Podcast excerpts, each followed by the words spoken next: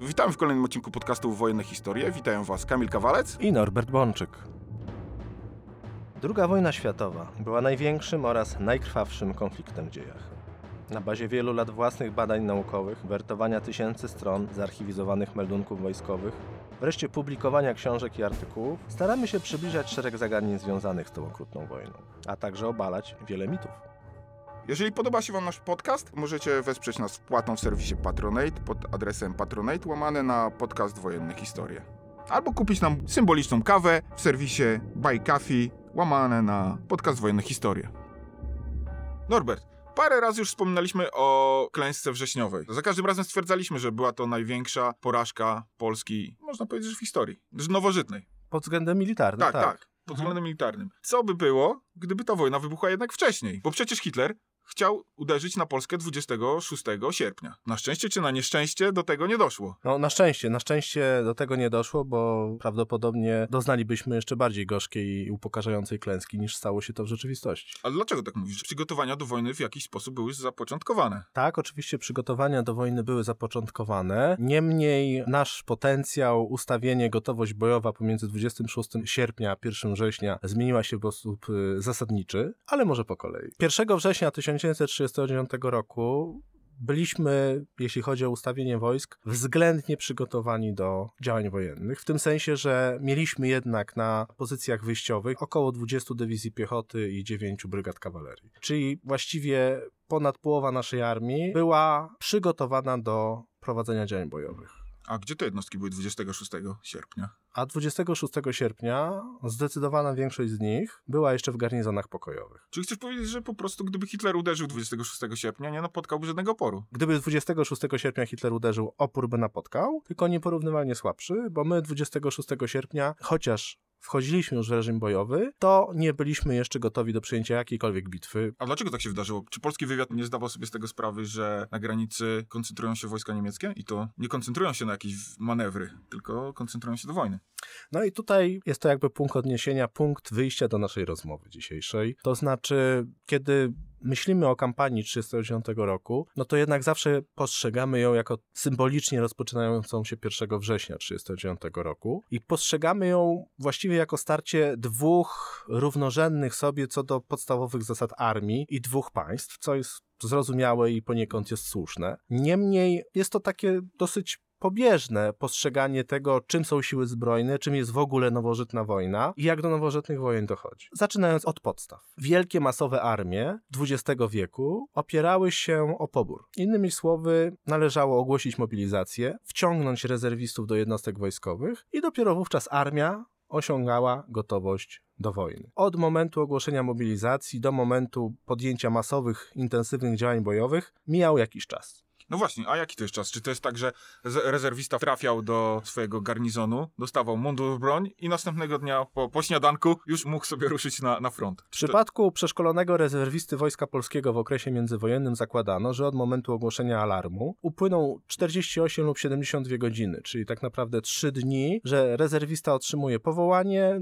stawia się w jednostce, otrzymuje wyposażenie, broń i po tych 24 lub 72 godzinach jego pododdział lub oddział, na przykład batalion, kompania czy pułk, jest gotowy do wymarszu. Natomiast trzeba tu jeszcze wyraźnie zaznaczyć, że siły zbrojne, masowe siły zbrojne, Wojsko Polskie po mobilizacji w 1939 roku miało liczyć znacznie ponad milion żołnierzy. Siły zbrojne były rozrzucone na obszarze całego państwa. Druga Rzeczypospolita miała 10 okręgów wojskowych. Czasu pokoju. W każdym okręgu 3 dywizje piechoty. Dywizja w okresie pokoju była rozrzucona w wielu garnizonach. Na przykład 28 Dywizja Piechoty, trzy pułki piechoty, każdy gdzie indziej. Jeden w Warszawie, drugi w Dęblinie, trzeci w Radomiu. No to jak widać, różni Dęblin, Radom, Warszawa, mówimy o jednym związku taktycznym.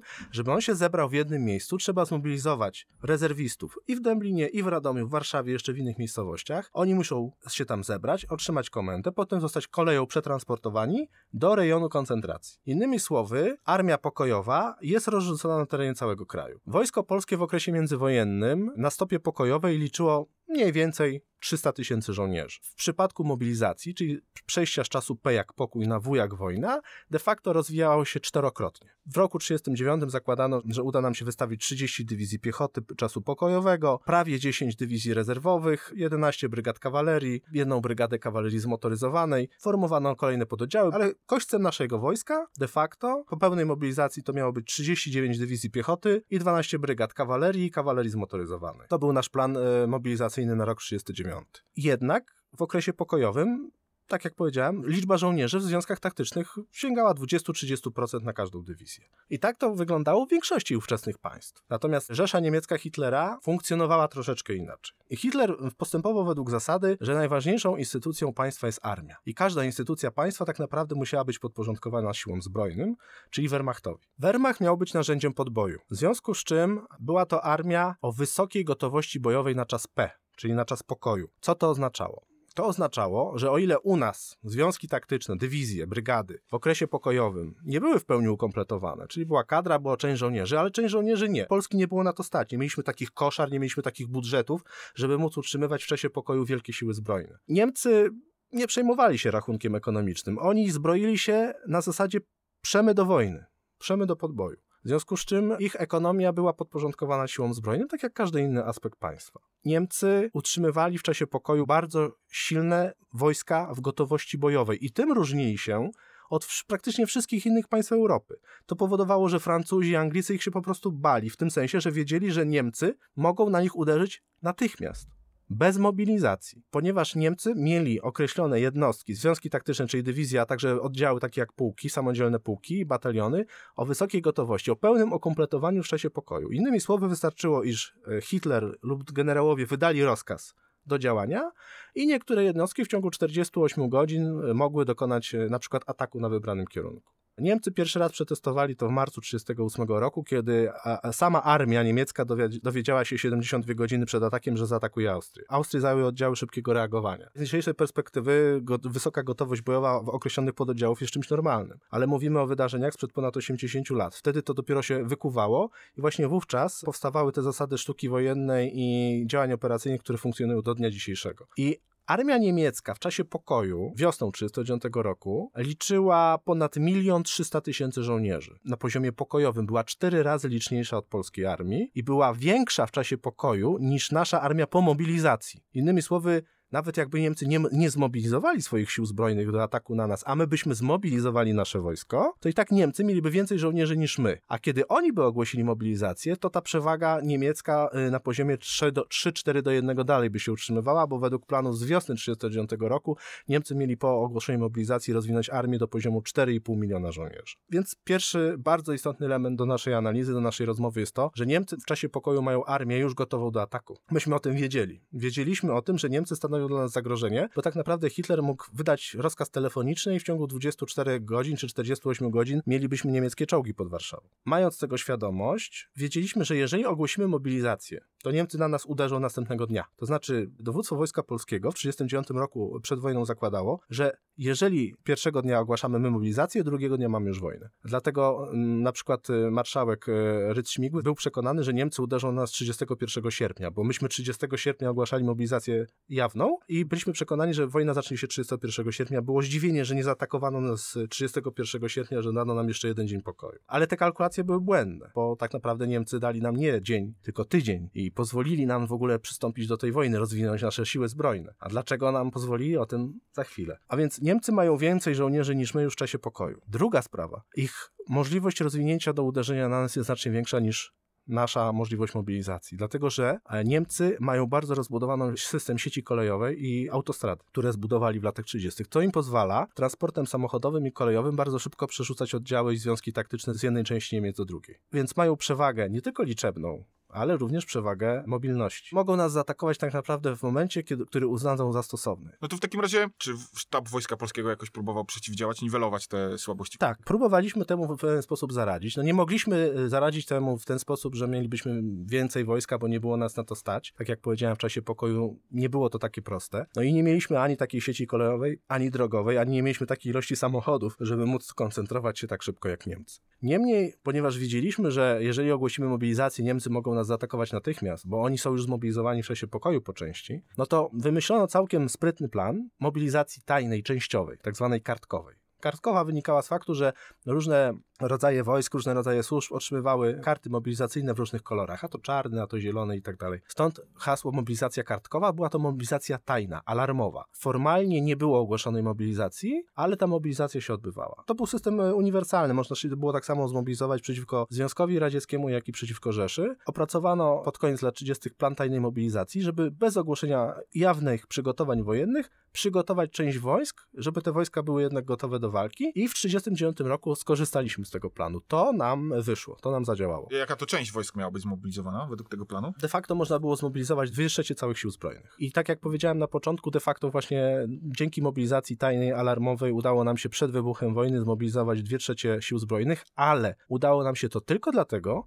że Hitler nie zaatakował nas tak, jak zaplanował. Czy tutaj Niemcy nie zdawali sobie sprawy z takiej tajnej mobilizacji po stronie polskiej? Niemcy zdawali sobie z tego sprawę e, i Niemcy nas ubiegli. Decyzje polityczne zdecydowały o tym, że w ogóle mieliśmy szansę podjąć kampanię, dlatego że Hitler początkowo planował, że zmusi nas do uległości metodami politycznymi, że zmusi nas do tego, abyśmy przyjęli jego dyktat, żebyśmy się stali jego wasalem. On wtedy doprowadzi do zerwania relacji polsko-francuskich i pierwszym celem będzie Francja, nie Polska, tylko Francja. Hitler zamierzał uderzyć na Francuzów, a Polacy mieli pełnić rolę buforu przeciwko Rosji, która byłaby wtedy takim sojusznikiem francuskim, ale nie mogłaby być może wiele zrobić, albo mogłaby, zaatakowałaby nas po prostu. Natomiast myśmy odrzucali, odrzucili niemieckie propozycje. Hitler 15 marca 1939 roku wkroczył do Czechosłowacji, zlikwidował to państwo, utworzył marionetkowe państwo słowackie i jednocześnie zażądał zwrotu Kłajpedy od Litwinów. Dokładnie w tym samym czasie to się właśnie działo. 21 marca Niemcy wystosowały kolejne żądania pod naszym adresem. Myśmy 24 marca 1939 roku odrzucili te żądania.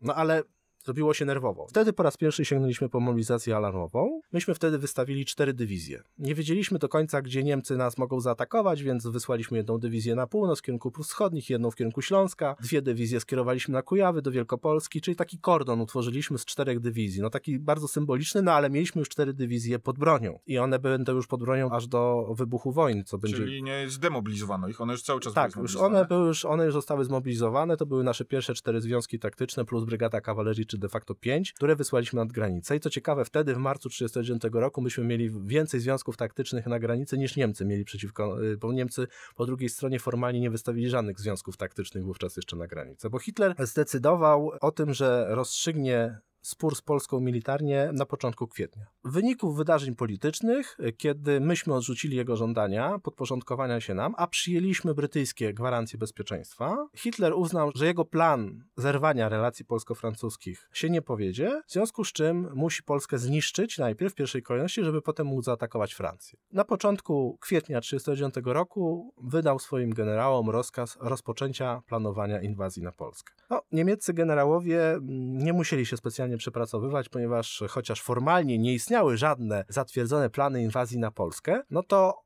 formalnie one nie istniały. Natomiast e, co do pewnych rozwiązań e, i założeń, jak najbardziej były gotowe, dlatego że no, już 21 kwietnia niemieccy generałowie przedłożyli Hitlerowi plan inwazji na Polskę, więc jak widać długo nie musieli nad nim Ewidentnie pracować. skądś przepisali. E, tak, tak, tak, dokładnie. I Hitler to zatwierdził, kazał to już przepisać co do rozwiązań szczegółowych i już 15 czerwca był gotowy plan inwazji na Polskę, który otrzymał kryptonim Plan Biały, Fallweiss. Co ciekawe, plan e, z czerwca 1939 roku to jest już taki bardzo szczegółowy plan inwazji, zakładający rozwinięcie, jakie oddziały, gdzie, jakie są zadania, jakie są cele. I wówczas założono w czerwcu 1939 roku, że pierwsza możliwa data ataku na Polskę to jest 23 sierpnia. Najwcześniejsze. Tak, najwcześniejszy chciano po prostu zaatakować po żniwach. Po żniwach w Niemczech. Po żniwach w Niemczech, oczywiście tak. I tutaj niemiecka koncepcja wojny zakładała, że tam, gdzie Niemcy atakują, muszą zaangażować maksymalne siły i dążyć do jak najszybszego rozstrzygnięcia. Również takie rozwiązanie przyjęto przeciwko Polsce w roku 1939.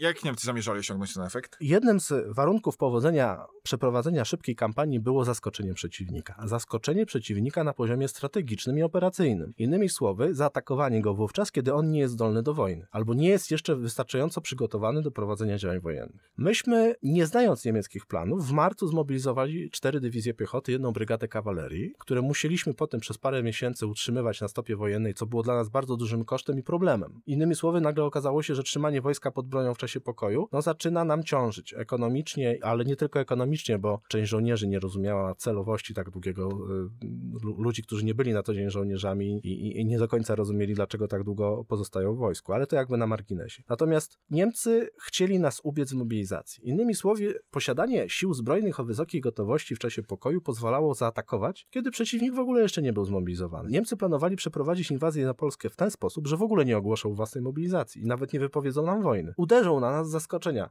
i tak naprawdę większość ich, ich wojsk, tak jak oni to zaplanowali, wyjdzie z własnych garnizonów y, trzy dni przed y, inwazją. Atak na Polskę miał być w pewnym sensie powtórzeniem na przykład operacji austriackiej, kiedy wojsko stoi we własnych koszarach, na przykład 400 czy 500 kilometrów od granicy, tajna mobilizacja doprowadza do szybkiego uzupełnienia ostatnich braków i 72 godziny przed inwazją te wojska dopiero wychodzą na granicę i z marszu przystępują do ataku. Tak jak powiedziałem, Niemcy mogli sobie na to pozwolić, ponieważ ich siły zbrojne miały wysoki współczynnik gotowości w czasie pokoju. Niemiecki plan zakładał, że Niemcy zaatakują łącznie z grupowaniem złożonym z 30 dywizji, ale z tych 30 dywizji blisko połowa to miały być związki zmechanizowane lub zmotoryzowane. Innymi słowy, wszystkie dywizje pancerne, jakie mieli, wszystkie dywizje zmechanizowane, tak zwane lekkie, wszystkie dywizje piechoty zmotoryzowanej miały uderzyć na Polskę. Również na Polskę miała uderzyć większość lotnictwa szturmowego i pompowego. Chodziło o uzyskanie efektu skali, marzącej przewagi. Niemcy zakładali, pokonamy Polskę tak szybko, że Francja i Anglia nie wypowiedzą nam wojny. Plan niemiecki był o tyle interesujący, że rozwinięcie wojsk na granicy miało się odbyć tuż przed atakiem, a wiele oddziałów w ogóle nie miałoby się mobilizować, w związku z czym polski wywiad obserwujący na przykład pokojowe garnizony w Szczecinie, w Elblągu i tak dalej, mógł y, nie zaobserwować ruchu jednostek, no bo te na przykład mobilizowałyby się tak późno, że wywiad nie zdążyłby w ogóle przekazać informacji, że coś się dzieje. Niemcy założyli, że zaatakują nas tak jak nas zaatakowali, z Prus Wschodnich, z Pomorza Zachodniego, ze Śląska, ze Słowacji. Celem będzie zmiażdżenie wojska polskiego de facto jeszcze na zachód od Wisły. Plan kampanii był taki, że główne uderzenie wychodzi ze Śląska, kieruje się na Warszawę. Tam Niemcy zebrali według planu większość swoich dywizji pancernych, zmechanizowanych i zmotoryzowanych. I to był kierunek, który jeszcze na początku sierpnia 1939 roku przesłaniała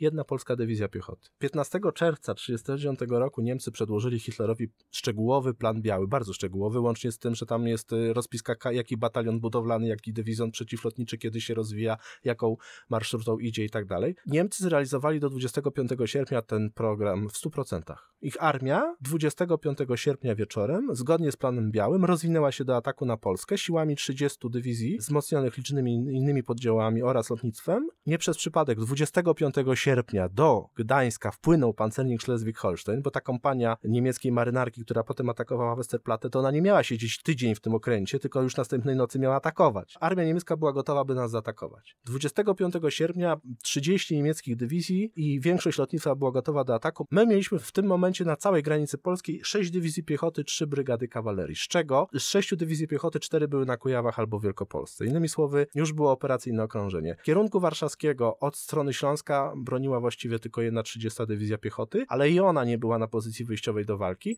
bo znajdowała się jeszcze w głębi terytorium państwa, budowała pozycje polowe na linii Warty i Widawki. Czyli wojsko polskie de facto było kompletnie nieprzygotowane do tego, co Niemcy chcieli nam zgotować. Tak, tego tak, 26 tak. sierpnia. Tak, nie, nie, plan biały za, zadziałał z przerażającą skutecznością. 25 sierpnia wieczorem Niemcy byli gotowi. Sztab Wojska Polskiego nie widział tego zagrożenia?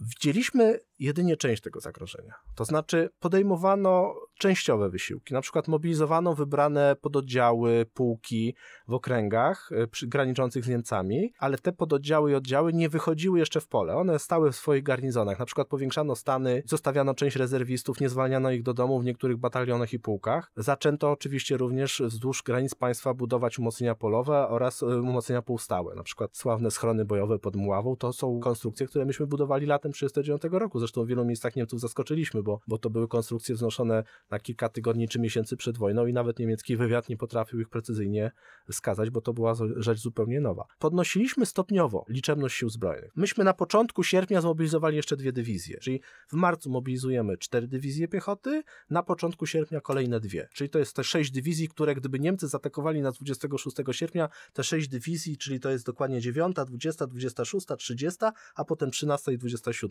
to są te dywizje, które mogły podjąć walkę. Ale one 26 sierpnia nie znajdowały się na pozycjach bojowych. Noc z 23 na 24 sierpnia to jest decyzja o mobilizacji alarmowej tajnej i to jest dotyczy 17 dywizji piechoty i 7 brygad kawalerii. Potrzebowaliśmy 72 godzin, żeby zebrać ludzi, którzy będą tworzyć te jednostki w garnizonach. Czyli 25 sierpnia wieczorem rezerwiści w ramach tajnej mobilizacji napływają do garnizonów, ale żadna z tych 17 dywizji, o których wspomniałem, jeszcze nie wyszła z tych garnizonów. Gdyby rankiem 26 sierpnia Niemcy na nas, za, nas zaatakowali, to te jednostki wciąż stałyby w garnizonach. Ta, ta 28 Dywizja Piechoty, o której wspomniałem, to nadal byłaby w Warszawie, Radomiu i Dęblinie jednocześnie, czyli nie, byłaby żadnej, nie byłoby żadnej dywizji. Czyli dodatkowo panowałby chaos mobilizacyjny. Tak, panowałby chaos mobilizacyjny i niemożność przerzutu jednostek przy użyciu wątłą siecią kolejową. 24 sierpnia mobilizujemy się, ale też nie, nie, nie w pełni, bo okrę dwa okręgi, gdzie przeważa ludność ukraińska, czyli lwowski i przemyski, tam do 26 sierpnia nawet nie ogłoszono mobilizacji tajnej, bo obawiano się po prostu buntu ludności ukraińskiej. Dopiero 28 sierpnia, czyli 48 godzin po formalnym, po, po tym niedoszłym ataku niemieckim, naczelny wódz y, nakazał tym oddziałom, które już były zmobilizowane, przyjęcie ugrupowania wyjściowego do walki. A dopiero 30 sierpnia przyszedł rozkaz o wzmożeniu czujności. Innymi słowy, 26 sierpnia ani nie było jeszcze rozkazu o przyjęciu ugrupowania wyjściowego do walki tych oddziałów, które zmobilizowano, a większość armii dopiero się mobilizowała, a część armii w ogóle jeszcze nie była zmobilizowana. Mówię o tych e, elementach, które dopiero w ramach mobilizacji powszechnej miały być zmo- zmobilizowane. Gdyby Hitler zrealizował plan swych generałów, no to czekałby nas prawdziwy Armagedon. No bo w ile czasu te dywizje niemieckie z nadgranicy mogłyby się znaleźć, powiedzmy, pod Warszawą? Spójrzmy na kierunek śląski. Ile czasu sześciu dywizjom pancernym lub zmechanizowanym, wspartym flotą powietrzną, zajęłoby pokonanie jednej polskiej dywizji piechoty i jednej brygady kawalerii, które znajdowały się przed ich ugrupowaniem w tym momencie? Odpowiedź jest taka, że prawdopodobnie no niewiele. Tak? To, to jest już gdybologia, ale no, przewaga byłaby miażdżąca i przerażająca. Do Warszawy mogliby dotrzeć e, w ciągu 24 48, 72 godzin, to zależy jak na to spojrzymy. Niektóre dywizje, jak na przykład jednostki, które stały w Kujawach, na przykład w Grudziądzu, no one miały dosyć niewielką e, bazę mobilizacyjną, znaczy one mogłyby się bronić w swoich miastach garnizonowych, no ale większość związków taktycznych Wojska Polskiego no, walczyłaby jako takie różne grupy bojowe. Zresztą w 1939 roku we wrześniu to się też stało częściowo, bo no jednak nie wszystko udało nam się rozwinąć i potem, jeżeli spojrzymy, kto bronił Warszawy, tak często kombinowane jednostki, gdzie każdy pułk był z innej dywizji, więc w jakimś zakresie ten dramat by się powtórzył, ale no tutaj byłoby znacznie gorzej, tak? Bo myśmy jeszcze mieli te kilka dni, żeby te jednostki zaczęły się scalać, że te armie zaczęły wychodzić w pole. Gdyby Fall Weiss, tak jak był zaplanowany przez niemieckich generałów, przez Haldera i innych, y, został zrealizowany tak, jak oni sobie tylko, jak oni chcieli, jak sobie zaplanowali, nie mielibyśmy żadnych szans. Szef sztabu generalnego wojsk lądowych, generał Halder, zanotował z satysfakcją 26 sierpnia, że udało nam się w pełni zaskoczyć przeciwnika. To znaczy miał na myśli to, że armia niemiecka stoi już gotowa do ataku, a wojsko polskie jeszcze nie wyszło w pole, nie wyszło do bitwy. Ale niespodziewanie 25 sierpnia wieczorem przychodzi rozkaz stać. No właśnie, jak bardzo generał n- niemiecki sztab musiał zmodyfikować swoje plany w związku z tym, co zafundował im Hitler? Niemieccy generałowie byli i niezadowoleni, i zadowoleni z tego, że Hitler ich powstrzymał. Może zacznijmy od tego, czemu byli zadowoleni? Byli zadowoleni dlatego, że obawiali się, że atak na Polskę, wbrew temu, co mówił Hitler, może przerodzić się w wojnę europejską. Innymi słowy, obawiali się, że atak na Polskę spowoduje wojnę z Francją i Wielką Brytanią. Niemiecki plan biały zakładał, że to będzie zaskakujący atak bez mobilizacji własnej. Czyli, że Niemcy zaczną mobilizację własnych sił zbrojnych, taką pełną, dopiero 25, dzień wcześniej. 26 niemiecki plan zakładał, że armia jest gotowa do zmiażdżenia Polski, ale nie wystawiana jest jeszcze armia, która ma bronić granicy zachodniej. Gdyż zasadnicze siły do obrony granicy zachodniej miały być wystawione w ramach mobilizacji powszechnej. Innymi słowy, Niemcy obawiali się, że nie będą wystarczająco silni, by bronić się przeciwko Francuzom. To były obawy złudne, bo Francuzi byli de facto nie gotowi tutaj do Jeszcze bardziej nieprzygotowani. jeszcze bardziej nieprzygotowani, oni nie byli gotowi do podjęcia szybkich działań dużą masą wojska. Natomiast y, no, Niemcy zakładali, że jeżeli przeprowadzą mobilizację pełną, to będzie, będą w pełni bezpieczni. To znaczy wtedy zniszczą na pewno Polskę, ale będą też mieli pewność, gwarancji tego, że na froncie zachodnim ich armia jest gotowa do walki. Innymi słowy, jeżeli zaatakowaliby Polskę 26 sierpnia, to na zachodzie mieli w gotowości bojowej 10 dywizji, a jeżeli Hitler dałby im jeszcze kilka dni, to po paru dniach już zamiast 10 niemieckich dywizji frontu zachodniego broniłoby 44 dywizje niemieckie. To był element, dlaczego niemieccy generałowie się cieszyli. Czyli chcesz powiedzieć, że dalej nie brali czynnika, że tak powiem, polskiego, jako czegoś, co by w jakiś sposób ich stresowało, że nie, nie, nie zwyciężą Dokładnie, Polski. Polska nie była tutaj żadnym punktem odniesienia. To mocarstwa zachodnie były wyłącznie punktem punktem odniesienia, dlaczego niemieccy generałowie ucieszyli się, że jednak nie zaatakowali Polski 26 sierpnia. Tydzień później y, ich potencjał bojowy na froncie zachodnim był cztery razy większy. I dlatego głównodowodzący niemieckich wojsk lądowych, generał Brauchitsch, był bardzo zadowolony, że Hitler dał mu tydzień jeszcze na zmobilizowanie nie tylko armii czasu pokoju, ale armii czasu wojny. No to którzy z nich byli w takim razie niezadowoleni? No niezadowoleni byli przede wszystkim dowódcy niższego szczebla. Y, Przede wszystkim niezadowoleni byli dowódcy niektórych korpusów i armii skierowanych do ataku na Polskę, bo oni 25 sierpnia wieczorem wiedzieli, że granica jest wolna, że mogą wejść w nasze terytorium jak w masło, bo po prostu wojsko polskie nie przyszło jeszcze na granicę, a 1 września już tam było. I trzeba było zmodyfikować ugrupowanie wojsk. No właśnie, czy to była jakaś poważna modyfikacja, czy tylko pewna, nazwijmy to, kosmetyka? No była to pewna modyfikacja, ponieważ nie zaatakowało nas 30 dywizji, tylko 55. Czy Nie- chcesz powiedzieć, że 40 na zachodzie i dodatkowe 20 na wschodzie? Tak, Niemcy w ciągu tygodnia powiększyli swoją armię dwukrotnie. Z 40 dywizji operacyjnych y, rozwinęli ją do ponad 100. Ale y, plan biały zakładał, że nie trzeba będzie tego robić. Oni zakładali, że 40 armią czasu de facto pokoju, bo oni, armia niemiecka wtedy to było ponad 50 dywizji czasu pokoju, a ponad 100 po mobilizacji. Ale Niemcy zakładali, że w ramach planu białego, że zaatakują Polskę i zniszczą ją tak szybko, że w ogóle nie będzie wojny europejskiej, bo Francja i Anglia, zanim w ogóle wypowie wojny i się zmobilizuje, to Polska już upadnie. Nie będzie kogo bronić. Nie będzie kogo bronić. No dobrze, to zadamy podstawowe pytanie. Dlaczego Hitler nie zaatakował? W Polsce istnieje silne przekonanie, że zostaliśmy w 1939 roku zdradzeni przez Zachód. Że Francja i Anglia nam nie pomogły. To jest stwierdzenie kontrowersyjne, dyskusyjne.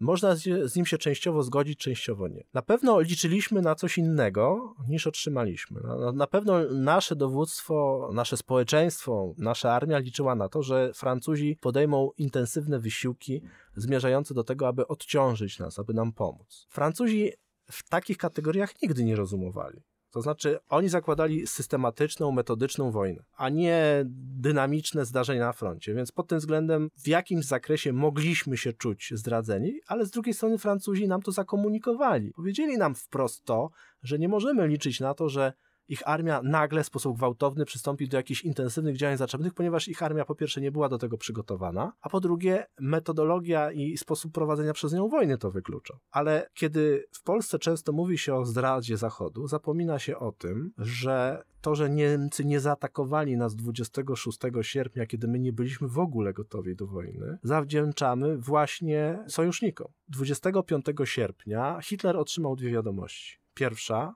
gruncie rzeczy mniej istotna i nie wpływająca na jego decyzję, chociaż psychologicznie może ważka, była, to był list od Mussoliniego, jego potencjalnego sojusznika, że Włochy nie przystąpią do wojny po stronie Niemiec. Ale ważniejsza informacja była z 25 sierpnia taka, że Anglicy zawierają z Polakami formalny sojusz wojskowy i od tej chwili atak na Polskę lub atak na Wielką Brytanię musi oznaczać, że, że sojusznik odpowie. Tak? Czyli 25 sierpnia Hitler ostatecznie i definitywnie przekonał się, że jeżeli zaatakuje Polskę, to Wielka Brytania wypowie mu wojnę. Ta informacja spowodowała, że posłuchał generałów, bo generałom mówił, że wojny europejskiej nie będzie. Zaatakujemy Polskę bez zmobilizowania całej armii, bo Francja i Anglia nie ruszy. A nagle się dowiedział 25 sierpnia, że jednak Francja i Anglia się ruszą, więc dał generałom dodatkowy tydzień czasu na rozwinięcie pełnej armii. Innymi słowy, deklaracja brytyjska, że będą walczyć z Hitlerem, spowodowała, że Hitler zmienił plan i zamiast szybkiej wojny tylko przeciwko Polsce, nakazał przygotować armię do wojny europejskiej. Innymi słowy, brytyjska deklaracja pozwoliła nam na dokończenie mobilizacji alarmowej, na wystawienie